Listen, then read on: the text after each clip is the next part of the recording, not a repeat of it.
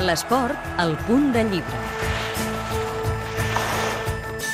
Corrent cap a Viquila és la història d'un noi etíop de 18 anys que malviu pels carrers de la capital, Addis Abeba. Els nois de la seva edat desitgen seguir el camí dels seus ídols a l'esport, però sovint moren en l'intent. Marc Cornet, l'autor del llibre, vincula aquesta història amb una de les seves passions, les maratons. Què és necessari per completar-les amb èxit?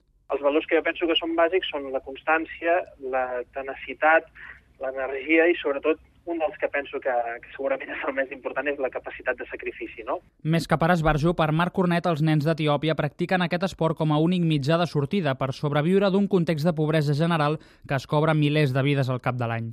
Crec que en el seu cas és per supervivència, no? perquè a través del córrer, com ja s'ha pogut demostrar amb Ibrasilassi, Bekele o molts altres atletes, per exemple, Kenya, en Poltergat, doncs és una mesura de, de poder sortir del pou de la pobresa, de poder sortir del seu país, de poder guanyar-se la vida doncs, corrent en les grans cites atlètiques d'arreu del món. El llibre de Marc Cornet intenta establir una metàfora entre els obstacles d'una marató amb les dificultats per conviure de forma diària amb la realitat del país africà. Això és el que diu l'autor sobre el protagonista, Viquila.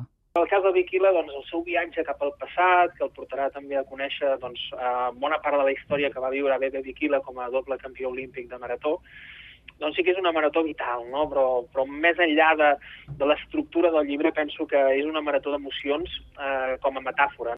Corrent cap a Viquila és un llibre publicat per 10 i 11 editors i el 0,7% dels beneficis anuals aniran destinats a accions solidàries.